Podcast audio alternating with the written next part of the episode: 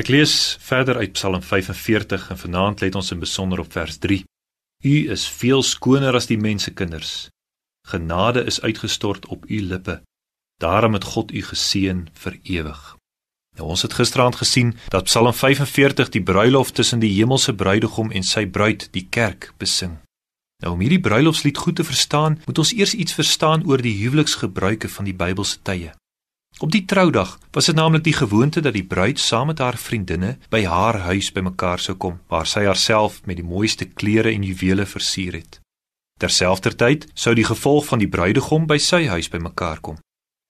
Wanneer alles dan in gereedheid was, sou daar 'n feestelike optog deur die strate wees van die bruidegom en sy gevolg om die bruid by haar huis te gaan haal. Dis hulle sou van sy huis na haar huis beweeg. Nadat die bruidegom sy bruid ontmoet het, sou 'n tweede optog volg van die hele groep saam, bruid en bruidegom met hulle aanhang, terug na die bruidegom se huis. En daar sou dan 'n groot fees gevier word. 'n Fees wat soms 'n week of selfs 2 weke geduur het. Kom ons kyk eers na die eerste beweging, die bruidegom wat sy bruid kom haal. In verse 3 tot 10 vind ons die digter se beskrywing van die bruidegom, die koning. Dit is asof die digter al met die pad waar langs die koning trek om sy bruid te gaan haal, soos 'n soort openbare aankondiger die koning in sy grootheid besing. Op die eerste vlak gaan dit uiteraard oor die aardse koning. Algemeen word aanvaar dat hier die huwelik van koning Salomo met die prinses van Egipte beskryf word. Maar die lofprysing van die digter op die koning is van so 'n aard dat ons nie anders kan as om ook verder te kyk as die aardse koning nie. Hier word dinge van die koning gesê wat slegs die hemelse koning toekom. In sy diepste betekenis gaan hierdie beskrywing oor koning Jesus. Koning Jesus is immers die een wat volgens vers 3 veel skoner as die mensekinders is. Nee, nie uiterlik skoner nie. Jesaja sê nie verniet in hoofstuk 53 van sy profesie dat die knegg van die Here geen gestalte of heerlikheid gehad het dat ons hom sou aansien nie en geen voorkoms dat ons hom sou begeer nie. Uiterlik was daar niks besonders aan ons koning nie, maar hy was skoner omdat God hom geseën het met begenadigde lippe.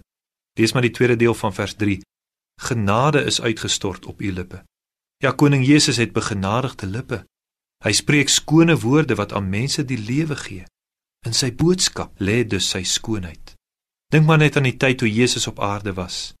Hy het met 'n gesag en 'n bekoorlikheid gespreek wat selfs sy vyande verwonder het. Soveel so dat toe die fariseërs en owerpriesters soldate gestuur het om hom te arresteer, hulle teruggekom het met die boodskap: "Nooit het 'n mens so gespreek soos hierdie mens nie."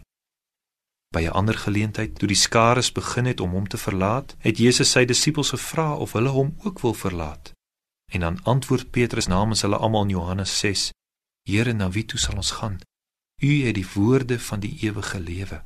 Jesus se woorde het die krag gehad om die storm stil te maak, om demone uit te dryf, om dooies op te wek en om manne en vroue wat vasgevang was in sonde tot geloof te bring.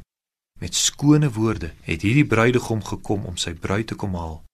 Skoon is die woord wat vlees geword het.